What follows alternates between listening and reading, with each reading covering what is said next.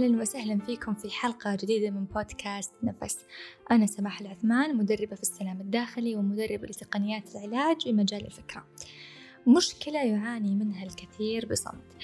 قد تبدأ في عمر المراهقة وتؤثر بشكل كبير على حياة الشخص الاجتماعية إذا ما تمت معالجتها. اليوم راح نتكلم عن مشكلة القلق الاجتماعي لكثرة الأسئلة اللي توصلني عنها. خذوا نفس عميق وخلونا نتكلم في هذا الموضوع.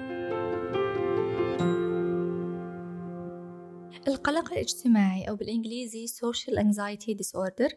هذه الحلقة راح نتكلم فيها ونوعي عن هذا النوع من الاضطرابات والمخاوف. ولكن طبعا الأفضل دائما أنك تتوجه لمعالج نفسي يساعدك في تخطي هذه المشكلة. معلومات اليوم هي فقط داعمة وعامة وليست علاجية. في كثير من الأشخاص تفكر في أنه لما تبغى تنعزل عن الناس لما ما تبغى تشوف أحد لما يجيك شعور الخوف من مواجهة الناس آه فكرة أنك أنت تعيش وحيد ودائرتك تكون صغيرة أنها مشاعر عادية. في حين أن في فرق بين شعور القلق الاجتماعي واضطراب القلق الاجتماعي وهو حالة صحية عقلية تحتاج لطلب المساعدة من الطبيب. ولكن خليني أطمنك في كثير أوقات رغبتك عن الانعزال عن الناس أو التوتر من مواجهة الآخرين تكون رغبة طبيعية. مثلا لما يكون عندك مقابلة وظيفية فتشعر أنك أنت متوتر أنك أنت تواجه الناس لما يكون عندك برزنتيشن أو محاضرة تلقيها قدام جمهور كبير فتتوتر هذا كله شيء طبيعي.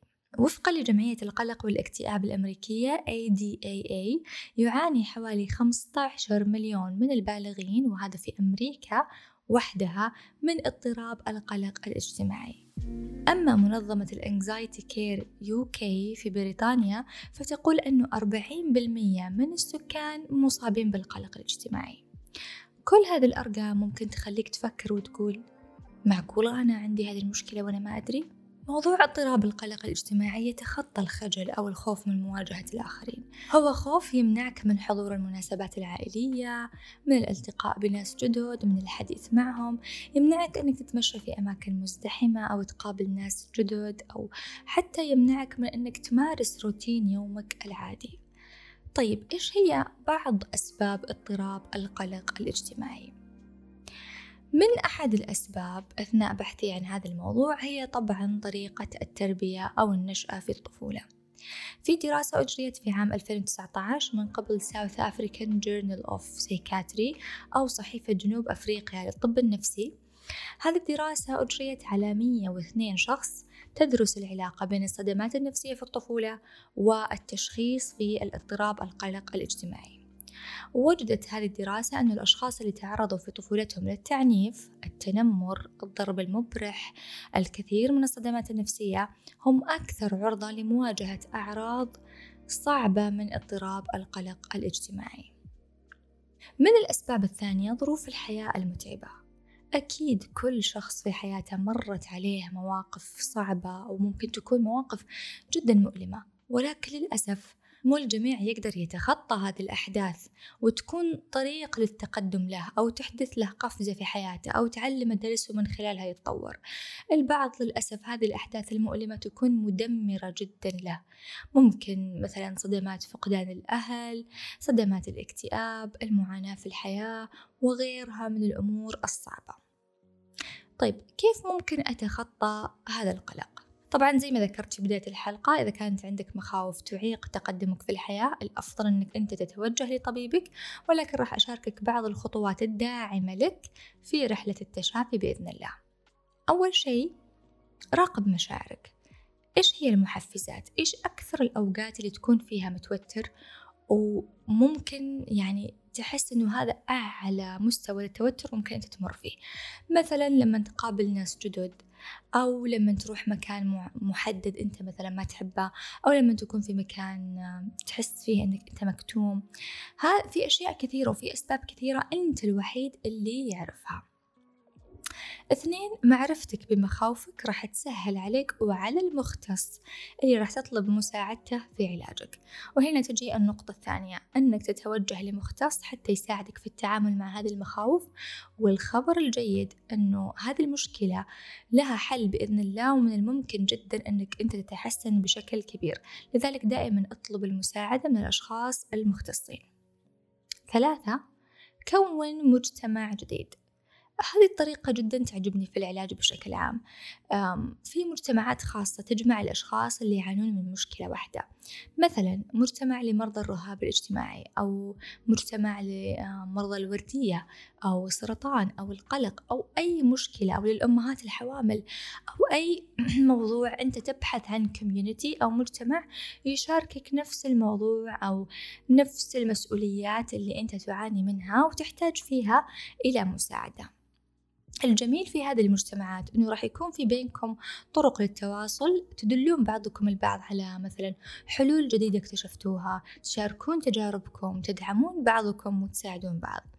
طبعا هذه ال communities تلقونها أونلاين آه وإذا ما لقيت مجتمع يناسب الموضوع اللي أنت تبغى تدور عليه أنت ابدأ هذا المجتمع.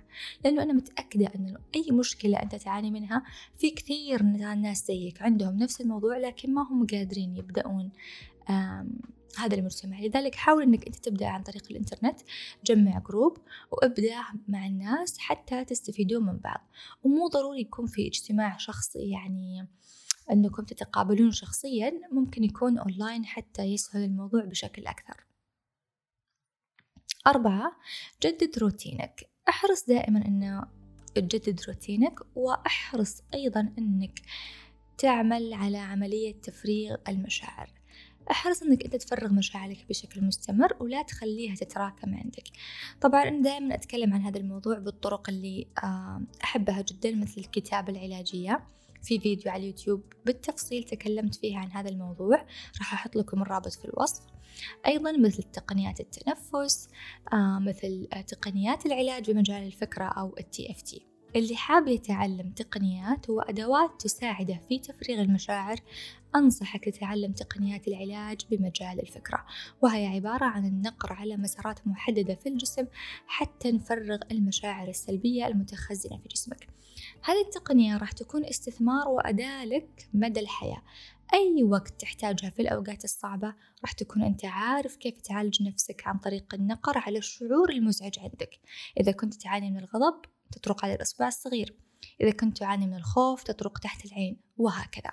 في هذا البرنامج راح نتكلم بالتفصيل عن جدول المشاعر وكل نقطة في جسمك وكيف ممكن تتعامل معها.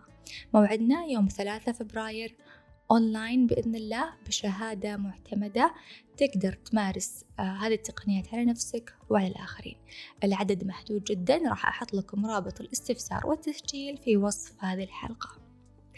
إذا عجبتك هذه الحلقة لا تنسى تشاركني رأيك من خلال وضع تقييم وأيضا من خلال كتابة تعليق حتى تشجعني أني أنا أستمر. ولا تنسى تشارك هذه الحلقة في منصات التواصل الاجتماعي عندك حتى تساعد وتوعي غيرك. وفي الختام خلونا نسأل الله دائما يساعدنا نتواصل أكثر مع أنفسنا لأن الإنسان كل ما كان متصل بنفسه أكثر كل ما كان واعي أكثر وعارف بمشاعره والإنسان الواعي بمشاعره دائما يعرف كيف يتعامل معها أو يكون التعامل معها أسهل. ألقاكم في الحلقات القادمة في أمان الله.